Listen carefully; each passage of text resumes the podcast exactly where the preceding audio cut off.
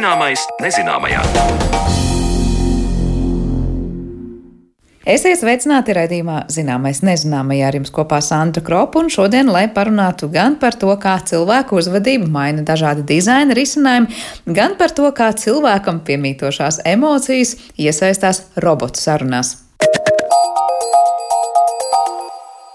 Šobrīd vairs nav nekāds pārsteigums, ka roboti spēj sarunāties, smieties un veikt citas darbības. Apmācītus chatbots, jeb virtuālos asistentus daudz no mums būs izmantojuši, lai noskaidrotu sev interesējušus jautājumus par kādām precēm vai pakalpojumiem. Bet kur cilvēki tur arī emocijas, tāpēc chatbotu nākamais izaicinājums ir spēt tikt galā ar cilvēku dusmām, skumjām un jokiem. Cik lielā mērā chatboti spēj iesaistīties emocionālās sarunās, par to kolēģis Marijonas Baltkalns veidotajā ierakstā. Šobrīd valsts pārvaldē un arī privātajā sektorā parādās arvien vairāk tā saucamie virtuālie asistenti, kas pārsvarā pilda sarunu botu funkciju. Ko tas nozīmē? Ja atverat mājaslapu kādam uzņēmumam un ja tajā izlaiž lodziņš, uzdodot jums kādu jautājumu un aicinot palīdzēt, tad ar jums visticamāk sarunājas nevis dzīves cilvēks, bet gan mākslīgais intelekts jeb datorprogramma. Tātad sarakstes veidā tā ar jums sarunājas, tāpēc to dēvē par sarunu botu, bet aizvien vairāk izplatīts ir apzīmējums chatbots. Galvenokārt šie chatboti tiek izmantoti, lai tie jebkurā diennakts laikā spētu atbildēt uz klientu visbiežāk uzdotajiem jautājumiem. Īpaši aktuāli tas kļuvis attālinātā darba režīmā pandēmijas laikā, un par šo tematu tālāk stāsta Kultūras informācijas sistēmu centra projektu vadītājs Jānis Ziediņš iestādes šajā attālinātā darba laikā saņem ļoti daudz telefonu zvanus un saņem arī ļoti daudz uh, e-pasta. Tas nozīmē, ka uh, šāds sarunu bots spēja uh, paņemt vienu daļu no šādiem tipiskākiem jautājumiem uh, un spēja atbildēt uh, jebkurā laikā. Un tas, uh, tas lietojums paliek arvien uh, plašāks, jo cilvēki iepazīst, ko šie sarunu boti spēja un uh, kādas atbildes var arī, protams, saņemt. Mm -hmm. Un tas atvieglo darbu iestādēm. Bota treneris uh, savada dažus no šiem iespējamiem jautājumiem par konkrētu tēmu, un pēc tam ar uh, mašīnu mācīšanās palīdzību sarunu bots spēja iemācīties arī atbildēt uz līdzīgiem jautājumiem, ne tādiem pašiem. Protams, ka tas process ir nepārtraukts. Un mēs redzam, ka lietotāji uzdod jautājumus dažādi, un attiecīgi arī poti, protams, ir jātrenē nepārtraukti. Nu, tad, eh, izrietot no tā, arī nākamie jautājumi, pie kuriem es gribētu vairāk pakavēties attiecībā uz to, cik lielā mērā sarunu botus var apmācīt reaģēt uz cilvēku emocijām. Nu, primāri dusmas, agresija, ja, ka cilvēks nevar atrast sev interesējošo jautājumu, vai viņam ir apnicis gaidīt, vai arī bots tur atbild ne tā, kā man patīk. Kā bots spēj iziet ārā no šīs situācijas? Jāsaka uzreiz, protams, ka bots, sarunu bots šobrīd šīs cilvēku emocijas uh, nespēj sajust. Un, protams, ka zinātnieki arī pie tā strādā, lai ar mašīnas palīdzību vairāk varētu šo saprast emociju būtību un kā cilvēki raksta, un lai varētu arī precīzāk atbildēt. Bet šajā brīdī vairāk tā darbība notiek tādā veidā, ka līdzīgi kā citas tēmas, arī šeit botam tiek apmācīts, ko atbildēt tad, ja cilvēks ir pateicis, ka uh, ir slikta atbilde, vai nolamājas kādreiz, vai lieto lamvārdus, vai kādas līdzīgas emocijas, ar kurām mēs saprotam uh, dusmas. Un, uh, tad, protams, tā bote, viens no tādiem šobrīd uh, virzieniem ir vairāk, kad nevis mēģināt uh, ar lietotāju vai klientu diskutēt par šo konkrēto emociju, bet uh, mēģināt pateikt, ka varbūt uh, lamāties nav labi, varbūt es varu mēģināt palīdzēt jums citādāk, varbūt jūs noformulējat jautājumu savādāk. Tas ir tas pirmais solis uz šo emociju novēršanu labā virzienā. Nu, tāds ir ļoti korekts gājiens. Lamāties nav labi mēs saprotam, arī šobrīd redzam no tā, ka uh, jāmēģina lietotājs vai klients aizvirzīt atpakaļ uz to sarunu, par ko viņš vēlas uzzināt, un mēģināt, varbūt, lai pajautā savādāk konkrēto jautājumu, vai varbūt uh, var uzrakstīt, ka grib sazināties ar operatoru, vai uzrakstīt sazināties ar iestādi e-pastā, bet uh, neielaisties šajā diskusijā. Protams, ka mēs redzam, jā, kad ir par sliktām atbildēm vai nepareizām atbildēm ir šādi uh, komentārs. Uh, nu, kad uh, tu esi stulbs un neko nesi sapratis pareizi, un, un tāpēc ir kaut kādas problēmas. Bet bots to vienmēr pieklājīgi atbild un formulē, jā, kad uh, mēģināšu palīdzēt. Bet, teiksim, vai šo te faktu, ka tas virtuālais asistents ir tāds ļoti korekts un pieklājīgs, eh, cilvēki varētu sākt arī ļaunprātīgi izmantot, nu, piemēram, jokoties, bet uh, tie joki būtu tādi, nu, lai pasmietos par to sistēmu, uzdodot pilnīgi citus jautājumus, par kuriem šim virtuālajam asistentam patiešām nebūtu jāatbild. Ja šis uzņēmums par tādiem jautājumiem nestrādā, bet tas klients turpina prasīt, lai it kā pamuļķotos par to chatbotu. Jā, noteikti šādas situācijas arī vairāk bija sākuma periodā, kad uh, sarunboti vispār parādījās. Tad uh, mēģināja uh, nu, izvest varbūt uh, botu no kaut kāda šī sarunu rāmja ar uh, dažādiem jautājumiem, kas tiešām neatiecās uz iestādi vai uzņēmumu. Tad, protams, tas ir tā uzņēmuma izvēle vai izvēle kaut kādā ziņā iesaistīties tajā sarunā vai neiesaistīties. Un tad, protams, ir šie varianti, ko mēs esam dzirdējuši par to, ka bots tomēr spēja atbildēt ar anekdoti vai, vai atjokot pretī, bet uh, pārsvarā tomēr šie mēģinājumi ir uh, novirzīti tajā vienotajā rāmī. Bet tāpat laikā, jā, protams, uh, jokus boti saprot tik cik viņi ir iemācīti, un šī standarta frāze, ko lietotāji jautājums, tiem arī spēja atbildēt tad es nojaušu, ka tas joku apjoms ir atkarīgs no tā cilvēka, kurš apmāca botu, jo tam būs labāka humora izjūta, jo botam būs labāka humora izjūta. Jā, jā, visticamāk, visbiežāk tā ir, ka tas ir no treneriem un arī no iestādes, no uzņēmuma, tādas politikas, cik daudz tad, uh, ieguldīt arī darba šādās tēmās. Bet, uh, Mēs redzam, ka tas paliek varbūt ar vien mazāk, jo klienti prasa ar vien precīzāk un ar vien vairāk saprot, ko bots spēja pateikt. Ir īpaši, ja bots sākumā ir definējis jau to, ko viņš zina.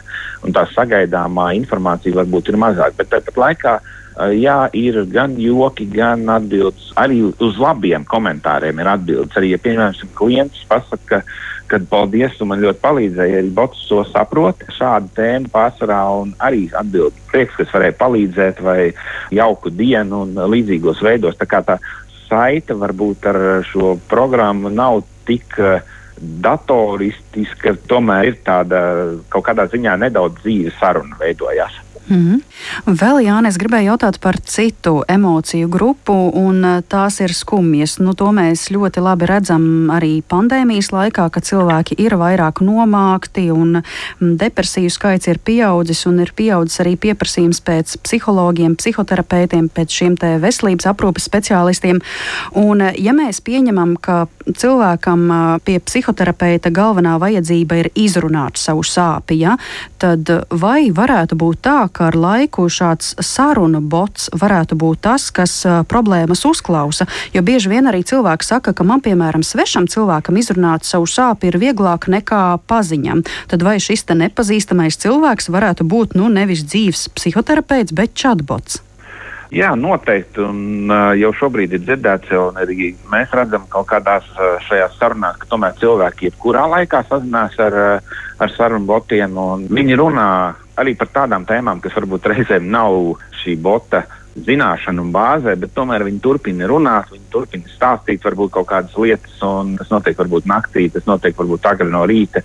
Var būt šādi specializēti boti, kas tiešām ir vairāk mācīti par tādām uh, konkrētām uh, tēmām, kas var palīdzēt pārvarēt cilvēkam šīs bēdas vai skumjas, vai vismaz tiešām uzklausīt. Un tiešām, uh, ja cilvēks daudz raksta, tad uh, pagaidīt un atbildēt vai turpināt šo sarunu tā, lai var izklāstīt visu šo savu problēmu. Es pieļauju, ka tiešām varbūt ir situācijas, kad varbūt pat nevajag šo telefonu sarunu cilvēku, bet vienkārši izstāstīt savu problēmu. Tā kā noteikti boti var palīdzēt arī šeit. Un mēs jau redzam, ka kaut kur jau tas notiek jau šādā veidā. Mm.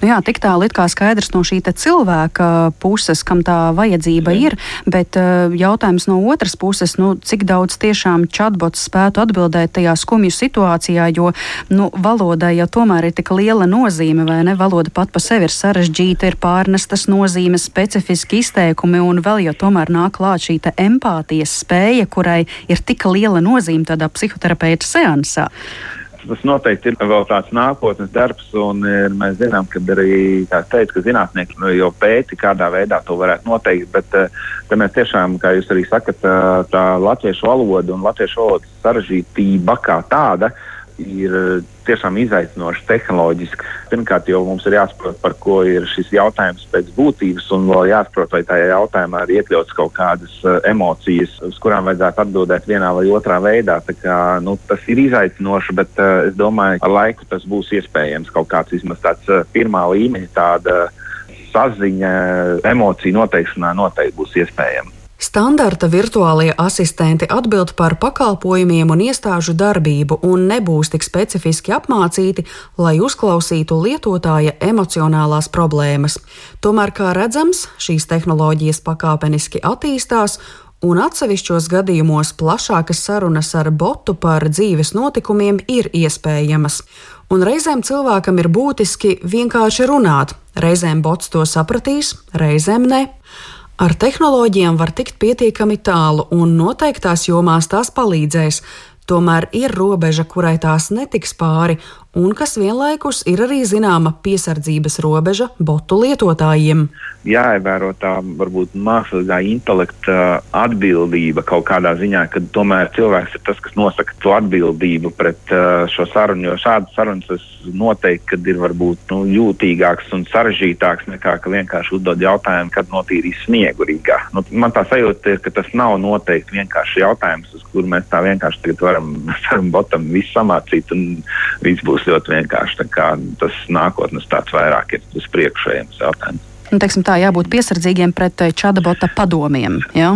Jā, jā, es noteikti domāju, ka jābūt piesardzīgiem pret uh, chatbot padomiem, kas ir saistīti ar cilvēka uh, emocionālām jūtām, jo vairāk šobrīd tā būtība tomēr ir sniegt atbildes par praktiskiem pakalpojumiem, nevis tik daudz sniegt palīdzību, kā varbūt kaut ko cilvēkam vajadzētu mainīt sevi vai darīt kaut ko. Mm. Kā, es domāju, tā robeža ir tāda ļoti, ļoti būtiska. Par chatbotu jeb sarunu botu spēju nomierināt dusmīgus klientus un uzmundrināt noskamušos stāstīja Kultūras informācijas sistēma centra projekta vadītājs Jānis Ziediņš, ar kuru attālināti sarunājās mana kolēģe Mariona Baltkalne. Tik tālu par tehnoloģiskiem risinājumiem, savukārt par dizaina risinājumiem, kas palīdzētu mainīt sabiedrības uzvedību, mēs runāsim raidījuma turpinājumā.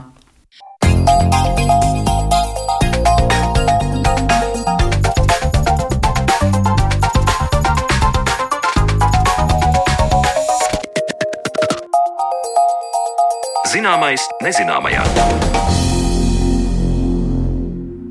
Covid-19 radītā ārkārtas situācija likusi kaut uz laiku veikt korekcijas mūsu publiskajā telpā, un tā mazinot drusmēšanos, iespējas un citus vīrusu izplatības riskus. Vai un kā dizains un dizaina risinājumi var palīdzēt mainīt individu paradumus un sabiedrības uzvedību? Atbildes uz šiem jautājumiem mēs meklēsim raidījuma turpinājumā, jo uz sarunu mūsu attālinātajā studijā esam aicinājuši Latvijas Universitātes pedagoģijas, psiholoģijas un mākslas fakultātes profesoru Ivaru Austeru un dizaina studijas H2E vadošo dizaineru un Latvijas Mākslas akadēmijas profesoru Ingu un Elēru. Labdien jums abiem! Labdien! Labdien. Es saprotu, ka jūs abi, var teikt, nosacīti šobrīd tiekties mūsu attālinātajā studijā, bet līdz šim arī tajā publiskajā telpā, kā saka, viens aiz otru esat interesantas lietas stāstījuši par dažādām parādībām un arī aspektiem, ko mēs varam saprast ar mūsu Covid dzīves realitāti. Es saprotu, ka Ingūnai pavisam svaigi bijusi lekcija, tā var nosaukt par, par dizainu un covid jautājumiem. Ivars savukārt arī pievērsies šiem jautājumiem plašākā nozīmē. Sākšu varbūt ar to, nu, cik lielā mērā mēs varam teikt, ka tas nav tikai tā vārdi, kas salikti kopā un covid laikā, kā saka, par visu mēģinam paskatīties covid perspektīvā, bet patiešām dizains ir atslēgas vārds, lai paskatītos uz to, kādus pakalpojumus, kādas preces mēs saņemam tādā nu, krīzes laikā. Ingūna, varbūt var arī ieskatīt tos galvenos, galvenos vārdus. Jā, noteikti. Dizains var būt instruments, kas var palīdzēt risināt šīs Covid laika komunikācijas problēmas, vai, vai palīdzēt mainīt šos paradumus, atgādinot uh, un, un, un informējot, kas tad būtu šī vēlamā darbība, kas būtu jādara. Un, bet dizains izauga arī no šīs pētniecības, no pētniecības, par ko uh, Ivars droši vien pastāstīs, vai ne, kad, jo Un, un, godīgi sakot, man liekas, ka dizains kā instruments līdz šim ir pārāk, varbūt pat maz izmantots. Jo, jo vai mēs varam kā valsts atļauties slikti dizainētu pakalpojumu un produktu patreiz nevaram. Mums ir jābūt ļoti precīziem un mērķtiecīgiem. Un uh, dizains sadarbībā, dizaineri kopā ar sociālo antropologiem, sociālo psihologiem un, un citiem speciālistiem, epidemiologiem var palīdzēt formulēt šo, izmantojot šo sistemātisko domāšanu, kurā dizains ir klātesošs. Kad, kad mē, mēģināt paskatīties un risināt lietas visaptveroši, ne tikai kampaņu veidīgi, bet, bet, bet kas attiecās gan arī uz mūsu fizisko vidi. Uh, Bet, ja mēs runājam šeit, pirms es dodu vārdu Ivaram par to piemēru, kur tas dizains sevi piesaka, nu vai mēs runājam par to, kā ir izvietots un plānots kaut kāds eh, birojs vai, vai būve, vai es nezinu, kaut kas, Jā. mēs pārvietojamies vai veikals, vai tas ir stāsts par, nezinu, bulciņu iepakošanu tā, lai tās ir tīras, vai tas ir stāsts par vispār kaut kādu pakalpojumu pārorientēšanu uz digitālo vidi. Tas ir, tas ir visaptvarošs stāsts, jo dizains nav tikai viena, viena šaura sfēra. Tas nav tikai iepakojums, tas nav tikai, tā nav tikai navigācija. Dizains ir gan pakalpojums, gan stratēģija, gan pieredze. Un, un tas, tas būtu jāizmanto vis, visplašākajos šajos aspektos, gan publis, un īpaši jau publiskajā telpā, jo publiskā vide ir tā, kas mums varbūt māca vai, vai atgādina, kā mums vajadzētu šobrīd ievērot šos jaunos paradumus. Un, un tieši, pieņemsim, man liekas, liela nozīme ir navigācijas dizainam, kas ir saistībā ar Covid patreiz, vai ne? Jo ir navigācijas, ir zīmes, kas mums ir jāredz, un ir zīmes, kuras mēs gribam redzēt. Un, un pieņemsim, Covid zīmes noteikti ir tās, kas ir jāredz. Viņas nevar koķetēt, vai ne? Kad, bet, bet eh, ne tikai Un dizains šobrīd ir neuztver to tikai kā produktu, vai ne? Kad dizainējot jaunus dezinfekcijas aparātus bez kontaktu, bet, bet uh, arī kā jaunus drošības protokolus, kurā šī dizaina komponente ir iesaistīta, norādot riska zonas no, no augstāka riska uz zemāka riska, kā piemēram publiskā iela, ārtelpa ir mazāka riska zona, ko līdz mēs ieejam kādā iekštelpā, kā piemēram veikalā, tā jau ir augstāka riska zona. Pavisam augsta riska zona būs, pieņemsim, vestibili vai šie miedarbības punkti, kuros cilvēki satiekās. Un dizains šajā eh, momentā ir tas, kurš var palīdzēt izanalizēt konkrēto vietu, konkrēto situāciju un dot eh, ļoti mērķiecīgus ieteikumus, praktiskus, gan strateģiskus, gan praktiskus. Vai dezinfekcijas stends, kas nolikts ir, pieņemsim, lielveikalā, vai viņu vispār pamana un vai viņu lieto, vai viņš ir formāli nolikts. Varbūt, ka pietrūkst viena būta, tikai viena, bet īstajā vietā un īstajā laikā, lai parādītu, kā tad palīdzēt ievērot šo distancēšanos vai vadīt plūsmas. Un tas ir tas, ko dizains šobrīd var risināt un ko risina gan pasaulē, gan pie mums. Jā, paldies Ivaram. Droši vien jautājums, nu kas ir jādara, lai to bultu varbūt pamanītu, vai tā vienā pēdējā bulta tiešām ir tas izšķirošais eh, puzles gabaliņš, lai cilvēku rīcību mainītu, vai tur ir kaut kādas daudz lielākas lietas? Nu, man gribētos tādu mazu atkāpi uh, izdarīt, uh, pirms es uh, uz tādu konkrētāku jautājumu atbildu. Nu, īstenībā šī tēma, varbūt nepieminot vārdu dizains, tādā nozīmē, kā Ingūna tikko stāstīja, tā jau sociālās zinātnēs, īpaši psiholoģijā un ekonomikā, ir interesējusi jau gana sen, vai ne? Nu, kopš pagājušā gadsimta 60. gadiem, pilnīgi noteikti.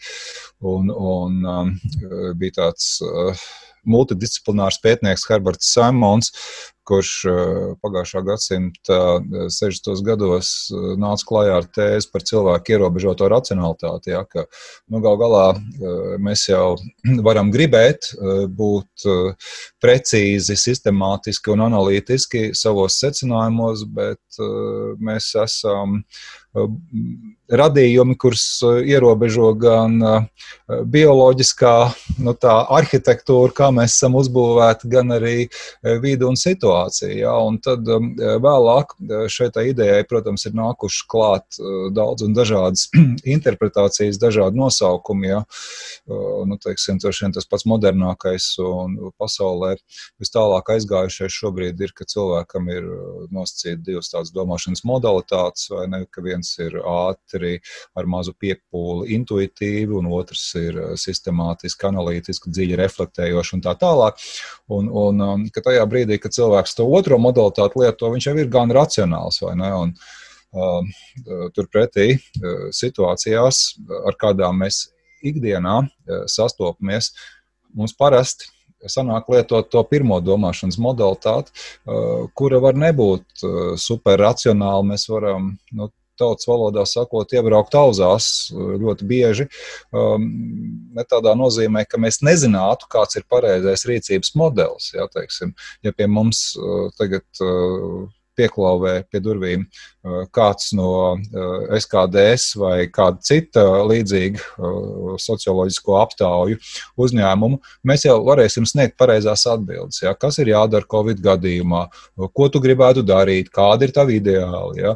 Lielākā sabiedrības daļa jau zina, kā pareizi uzvesties. Bet te sākas tas bet, vai ne, par ko Ingūna runāja, ka uh, ikdienas uh, steigā, nogurumā, daudz uzdevumu vienlaicīgā veikšanā, multitaskingā vai ne. Tā, tā, tā bija šie izziņas, kognitīvie resursi kļūst ierobežoti. Tu nespēji sadalīt uzmanību, tev jādomā par kaut ko citu. Ja? Un, un šis te burtiski vienkāršais, savā ziņā pat banālais piemērs, bet pozitīvā nozīmē, ko Inga teica par uh, roku dezinfekciju. Uh, tu vari nepamanīt. Ne? Nu, tad, tad, eh, es varbūt konkrēti pastāstīšu to piemēru, eh, pie kā mēs ar um, Ingu un kopā esam nu, lielākā grupā. Tur, tur vēl ir cilvēki no Mākslas akadēmijas, no Stradiņa universitātes. Un, un arī Vidzemes augstskolas vēlāk pieslēdzās.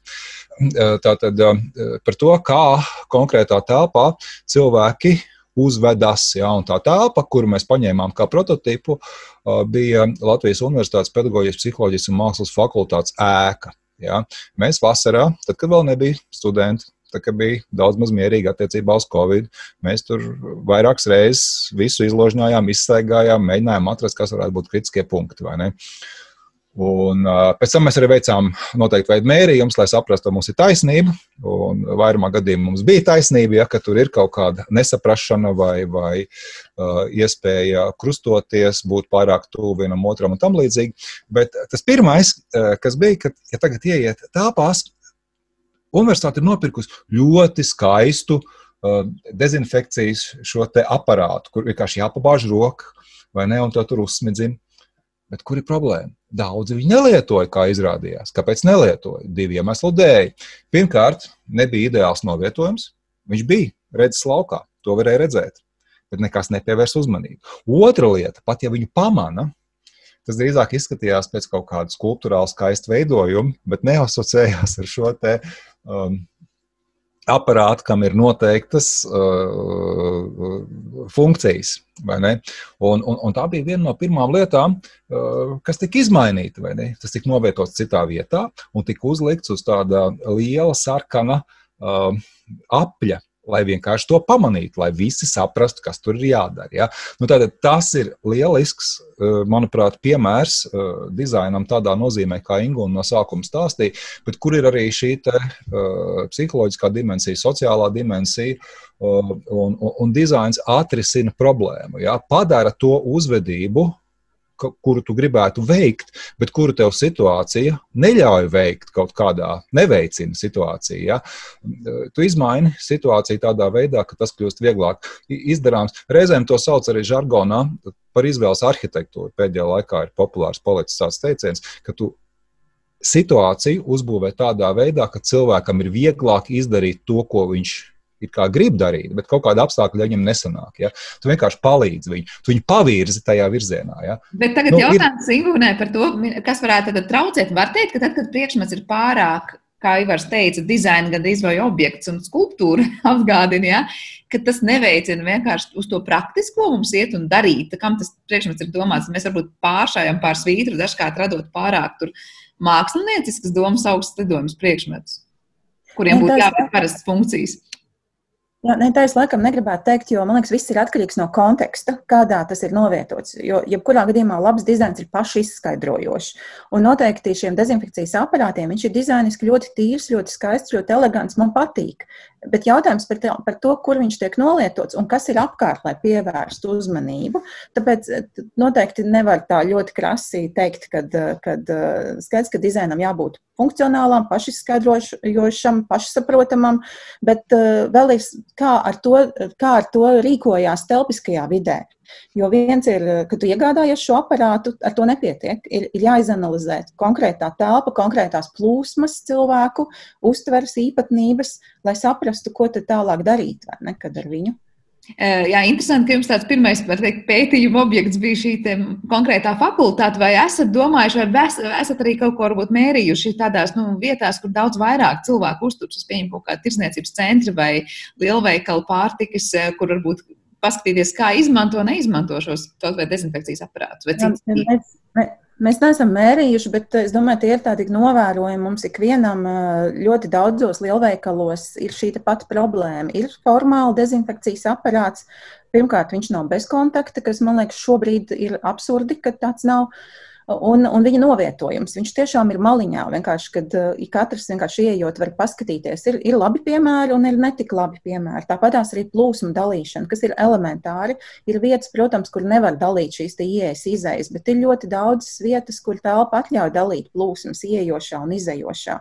Un tas ir tas ir tik elementāri un vienkārši tas neprasa pat nekādus liekus resursus lielus. Tas ir tāda loģika izdarīt, vai ne? Un tādas vēl, nu, vēl daži soļi tādi loģiski, ko mēs izeksperimentējām šajā Latvijas universitātes piemērā, lai izdarītu secinājumus, kad reizēm pietiek vienkārši pamainīt uzrunas valodu, kad, kad uzrunājot, ka tev ir jādezinficē rokas vai neveidojot tā saucamos šajā gadījumā, izējot no konkrētā konteksta, veidojot tādus epidemioloģiskos baušļus. Mm. Jā, es gribēju jautāt, vai jums ir tādi varbūt pamatsecinājumi vai, vai lietas, ko sapratāt, un konkrēti ierosinājumi, nu, ko darīt turpmāk, vienalga, vai tas ir stāsts par dezinfekcijas aparātiem vai plūsmas regulēšanu veikalos vai ko citu. Nu, nu, rezultāts jau ir. Mums jau ir tāds uh, prototyps uh, balstīts uz, uz šo uh, Latvijas Universitātes pedagoģijas psiholoģijas mākslas fakultāti, ko darīt, vai ne? Kā, kā nodalīt plūsmas, tas, ko Inga un precīzi teica, vai ne? Uh, kādā veidā padarīt uh, pamanāmus objektus, kur ir jāpamana. Kā nu, tādā viegli, ironiskā, varbūt pat daļēji eh, jokojošā formā, tomēr atgādināt to, kas ir jādara. Ja? Nu, mēs izmantojām tādu pseido baušļu valodu, ja? tev būs darīt to un to, vai tev nebūs darīt to un to. Ja? Eh, kas, kas vienkārši tika sarakstīts uz sienas. Eh, tāpat tika uzzīmēts, kā pa trepēm būtu jāiet, vienkārši būtiņas vai krustiņi. Ja? Intuitīvi ļoti saprotams lietas. Vai, vai uh, uz, uz uh, vietām, kur cilvēki varētu arī neskarties, uh, vienkārši bija uzlīmēts uh, uzlīmes, kas uh, simboliski atgādina, atgādina uh, Covid uh, šo te vīrusu. Nu, Nu jā, sars kādu tur un tā tālāk, jā, vīrusu. Jā, tā kā tas, tas ir salīdzinoši vienkārši, un, un es domāju, plašākā nozīmē bija arī svarīgi tas, ka mēs izdomājām, kā, nu, nevis vienkārši to darījām, bet mums bija hipotēzes, kuras mēs pēc tam ar mērījumu palīdzību pārbaudījām, jā, nu, teiksim, tās plūsmas pa durīm vai ne. Uh, studenti, kur labprāt iesaistījās šajā projektā, viņi vienkārši mērīja tajos brīžos, kad uh, citi nāca uz lekcijām, kad citi gāja projām, kas notiek. It kā bija pateikts, pa vienu pusi iekšā, pa otru ārā, bet vienalga tur nepilnīgi 20% uh, gāja pa nepareizo pusi. Bet tas nebija tāpēc, ka viņi būtu neapzinīgi. Vienkārši vide nebija ideālā veidā uzbūvēta. Bet, bet īstenībā, jā. Jā. Es, es gribēju par vēl vienu lietu pateikt. Ja? Tad mums saruna ir uh, par, par tādu dizainu fiziskā nozīmē, ja, par telpas iekārtojumu vai par priekšmetu uzbūvi. Um, bet, bet īstenībā jau tas dizains ir arī. Uh, Tam ir arī sociālā dimensija, ja, par ko mēs pēdējā laikā esam arī diezgan daudz domājuši. Un, un jautājums par cilvēku savstarpējām attiecībām. Ļoti daudz ko var panākt, cilvēki paši. Ja? Tur nevajag Ingūnai iesaistīties vai, ne, vai, vai uh, Stradiņu universitātes pētniekiem, bet cilvēki pat paši viens otru var pieskatīt no vienas puses, tas arī sociālais dizains, ja? Vai, vai cilvēki var radīt kaut kādas grupas, kurai, kurām citi var vēlēties piederēt, ja, nu, kaut kādu ideālo uh, ļaužu kopumu, ne, kas uh, rada iespēju piederēt augstāku statusu grupai, kas var būt vēlamā uzvedība. Um, tātad jautājums, kā mēs padarām šīs te, uh, sociāli regulējošās lietas tādas pieejamas cilvēkiem. Ja tas nenozīmē, ka tagad tur ir kaut kāda sociālā inženierija vai ne, tur nezinu, kaut kādi. Uh, uh, hakeru tīkli vai ne, kuri tur eh, cilvēku uzvedību internetā uztaisīs tādā veidā, lai radītu ilūziju vai ne par kaut kādas grupas esamību, ja tur kaut kāda troļļu ferma vai kaut kas tam līdzīgs. Runa ir vienkārši eh, padarīt eh, pieejamu to, ko cilvēki jau tāpat dara, vai ne, kas ir dabisks, vai ne. Nu, nezinu, nu, tas ideāls, tāds ļoti vienkāršs piemērs, atkal drusku banāls, bet neslikts. Uh, ja tu esi kaut ko izdarījis, tev ir tiesība nesāt kaut kādu nozīmīgu. Ja? Sena lieta, vai ne? Tas vienmēr ir pastāvējis, bet tu vari to veicināt vienkārši saražojot nozīmītas. Ja? nu tā, es, es saku, tas ir ļoti vienkāršs piemērs, tas, ko es tagad saku. Tas nav nekas ārprātīgi sarežģīts, bet ja mēs vienkārši šādā veidā domājam, mēs uh, ļoti daudz ko uh, varam panākt. Ja? Vai sociālais dizains nozīmē arī to, ka uh, cilvēki zina, kādā veidā neaizvainojot, aizrādīt citiem ka viņi dara kaut ko ne tā, kā vajadzētu. Ja? Jo ir sfēras, kur tas ļoti, ļoti labi strādā. Ja, teiksim, viedierīču, mobilo telefonu lietošana zināmos kontekstos nenotiek, lai gan cilvēkiem gribētos. Ja? Teātris, baznīca nelieto, automašīnās lieto. Ja? Bet jautājums, tas ir tas, par ko otrā nepieskatās. Eh, vai, vai tā ir tā kā nu, sajūta, tāpēc, ka tev atgādina pirms tam teātrī izslēgt telefonu un tāpēc nelieto? Vai tā ir kaut kāda kauna sajūta, ka man apkārt visi nosodoši skatīsies, ja man vienīgais zvanīs telefons un savukārt automašīnā katram liekas, es pats esmu ar sevi un, un mēs neuzņemamies, nu, kā saka. Gan, gan, gan, gan, gan, gan protams.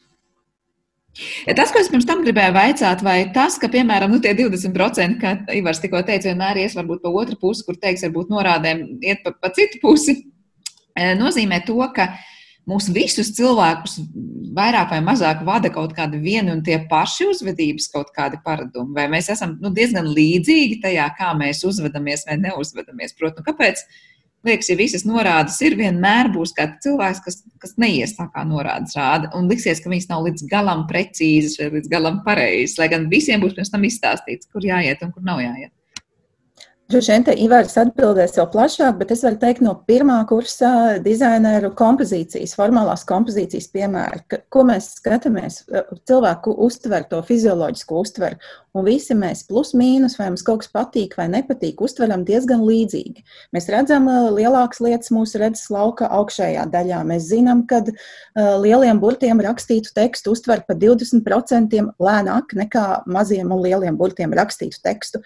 Un, un šie kaut kādi daži principi uh, ir tie, kas veido šo laba dizaina pamatu. Tev viņi ir jāzina, lai, lai saprastu nedaudz šo cilvēku fizioloģiju un, un psiholoģiju. Un tam vēl tālāk nāk psihologi, kuri, kuri arī eh, veic šos pētījumus. Tātad ir kaut kādas vienojošās lietas, ne, kad, kad, kas ir kopīgas. Un tad, kas nāk nākamais klāt, tas, kādā veidā tu šo vēstījumu pasniedz, vai ne? Un tātad tev tam arī, un tas ir, par ko Ivārs arī runāja savā šajā lekcijā, kad īstenībā tam jābūt emocionāli uzrunājošam, jo šī brīdī nedara tāds formāli administratīvais stils, vai arī viņš dara kaut kādā brīdī, un tad ir jāmaina šī forma, vai ne? Tad tev ir, nav pat svarīgi, vai tev patīk vai nepatīk. Svarīgi, ka tevi aizkustina, liek ievērot un palīdz ievērot, vai ne, kad, kad šos noteikumus. Pilnīgi piekrītot tam, ko Ingūna sacīja, vēl viena tēma, kas, kas, kas palīdz saprast, kas tur strādā vai nestrādā. Mēs varam iedomāties, ka mēs visu laiku, tas, tas ko mēs darām, mums ir kaut kāda nu, lēmuma virkne. Nu, pat ja tas nav apzināts lēmums, mums vienalga ir mikro lēmumi visu laiku kaut kādi jāpieņem, vai ne iet pa labi, iet pa kreisi. Tas var būt automatizēts, bet vienalga. Uh, un, un, un tas, ko mēs varam darīt, teiksim, no uh, psiholoģijas viedokļa raugoties, uh, no, no lemšanas procesa, mēs varam iekadrēt to nākotni vai nu kā iespējamos zaudējumos, vai kā iespējamos ieguvumos. Piemēram, ja, nu, teiksim, viens fenomens vai ne, ko noteikti var ņemt vērā Tad cits svarīgs aspekts ir, ka tas var mazināt nenoteiktību, neskaidrību. Tādā nozīmē, ka cilvēks, mēs iepriekš runājām par situāciju, kur cilvēkam ir skaidrs, ko darīt, bet vēl jau var būt arī tā nenoteiktība un neskaidrība tādā. Nu, es, es zinu lielos vilcienos, kas ir jādara, bet šajā konkrētajā situācijā man nav skaidrs uzdevums modelis. Ja? Un tad var ļoti labi pateikt priekšā ar to vidas dizainu. Ja? Tad cilvēks jūtas pateicīgs, ka viņam kāds ir pateicis priekšā. Nu, atkal ļoti vienkārši, bet visai labi strādājošs piemērs ir tās lēnas veikalos, kas salīmētas, ne, lai cilvēki to distanci turētu, ja to attālumu starp, starp vienu un otru. Nu, cik ir divi metri? Es nezinu, tagad jau izdoši ir iete, ietrenējušies, vai ne visu var uz labi pateikt. Bet no sākuma jau, jau to bija grūtāk. Un tad vidi tev saka priekšā. Ja citur ir lēns, salīmēts, citur ir kāja pēdiņas, vienalga to var ļoti labi pateikt, un tas mazina to nenoteiktību, to neskaidrību, kā ir pareizi. Un cilvēks beigās jūtas uh, priecīgs, ka kāds viņam ir pateicis priekšā, ko darīt šajā situācijā, ka viņam nav skaidrs risinājums. Jā, es tieši gribēju teikt, ka dizains ir tas, kas tieši šajā nenoteiktības laikmetā palīdz ieturēt šo noteiktību. Jā, tas tas tāds uh, ļoti, kon ļoti konkrētā veidā. Kā jūs redzat, kāda būs tā mūsu ikdienas dzīve un uzvedība tad, kad nu, Covid pandēmija būs beigusies? Un var teikt, mēs gaidīsim, ka mums ik uz soļa būs tur salīmēts, kur iet, kur neiet. Ja? Vai, vai mēs paši būsim jau sevi uztrenējuši citādāk uzvesties, vai mēs sagaidām, ka visa mūsu ikdiena būs ļoti reglamentēta? Es domāju, ka būs lietas, kas, kas paliks, un nav jau slikti būt uh, mazgāt biežāk rokas, vai ne? Un, un, un, un kaut kādi šie jaunie uzvedības modeļi nemaz nav tik slikti.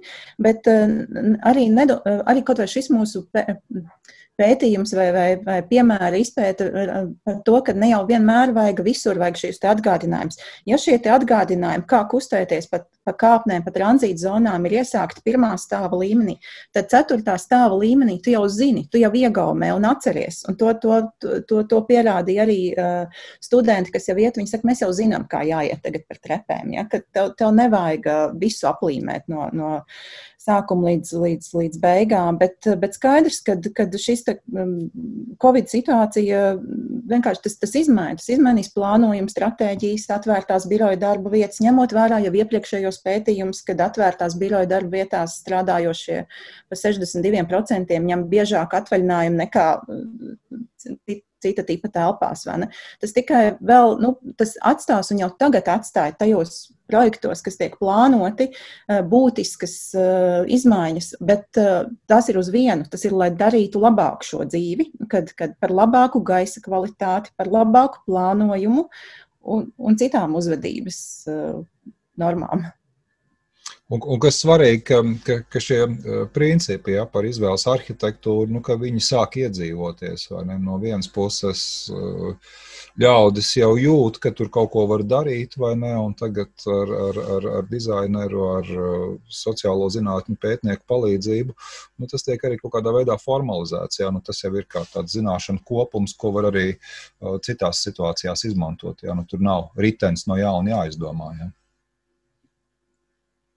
Es tagad iedomājos arī vienu lietu, tas, kas ir Covid laiks, kā mainīs to mūsu, varbūt arī uzvedību vai, vai dažus paradumus, bet tāpat laikā, cik ļoti varbūt pateicoties visai šai Covid epopējai, mēs varēsim ieraudzīt, nu, kur tam dizainam ir nozīmīgi risinājumi. Es iedomājos, jūsos klausoties uh, veco labo stāstu par to, ka atkritumu konteineri dažkārt tiek nolikti vietās, kas patiesībā ir tā kā paslēpti, nevis parādīt, kur ir jāiet un kur tās pie varbūt kaut kur pludmales tūmā tās, tās visas mūsu līdzpaņemtās lietas jāatstāj.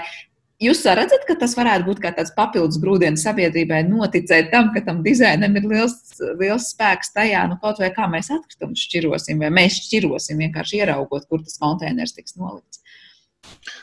Nu, noteikti. Nē, nu, tas jau tas, tas, tas, tas, tas tavs piemērs, Andri, jau nu, kaut kāda maza sabiedrības daļa jau to zināja, protams, un mēģināja īstenot, ja, bet kas tagad varētu būt kā Covid rezultāts pozitīvā nozīmē, ka uh, tie uh, ļaudis, kur ir atbildīgi par, par lemšanu, nu, ka viņi ir plašākā mērogā uh, pārliecinājušies visticamāk, ka tas strādā. Nu, kā, nu, nu, vēlreiz teiksim, tas kognitīvi mēs tā esam uzbūvēti, ja mums kaut ko ir uh, grūti izdarīt, tad mēs vienkārši nedarām. Ja? Un tas tā kā uh, bija jūsu kolēģi raidījumā par to plasmasu šķirošanu, man šeit pagājušas nedēļas raidījums, vai nu, relatīvi nesen, vai ne? Uh, ka tur jāskatās, kāds tur cipariņš vai ne. Un nav tā, ka pirmie trīs būtu tādi, kur var mest, tad tur, teiksim, pirmais ir, otrais nav vai ne, un pēc tam ir kaut kāds piektais. Nu, ko cilvēki dara, ja viņi ir ļoti pozitīvi noskaņoti pret to atkritumu šķirošanu? Tad viņi tiešām viņi jau saprot plastmasa vai koks, protams, un viņi visu plastmasu ieliek tajā plastmasas miskastē. Izrādās, ka nevar, vai ne? Nu, teiksim, Briti to ir atrisinājuši vienkārši, ja vienkārši kodu sistēma. Ja? Sarkans punkts nekādā gadījumā, dzeltens tur vajag padomāt, zaļš pilnīgi noteikti? Nu, kurā gadījumā ir vieglāk izdomāt? Ja? Tas ceļa vieglums lielā mērā atrisina problēmu. Cilvēki negrib, nespēj, nevar ļoti daudz un intensīvi domāt šādu ikdienas lēmumu pieņemšanas lēmumu pieņemšanas šādās situācijās. Ja? Tātad tas, ko dizains palīdz, ātri, viegli tikt galā ar problēmu. Ja? Vieglākais ceļš ir tas ceļš, kur izvēlās. Ja? Jā, varbūt tiešām atslēgas vārds ļoti daudzām mums nerisināmām vai grūti, var teikt, uzvedību risināmām lietām ir ir patiesībā dizains. Ja? Viena norāda vai vienkārši pareizā vietā tas pats pareizi uzbūvētais konteiners vai mazgāšanas uh, ierīce vienkārši jānolieto. Lielas jums paldies abiem par šo sarunu. Es atgādināšu mūsu klausītājiem, ka šajā pusstundā bijām kopā ar Latvijas Universitātes pedagoģijas, psiholoģijas un mākslas fakultātes profesoru Ivaru Austeru un dizaina studijas H2V vedošo dizaineru un Latvijas Mākslas akadēmijas profesoru Ingu un Elleri. Ar to arī mūsu raidījums ir izskanējis. Par to parūpējās producents Armīti Kolāta un mūzikas redaktors Girds Bišs ar jums kopā bija Sandra Kropa, un vēl piebildīšu, ka raidījumu var klausīties arī populārākajās podkāstu vietnēs. Uz tikšanos!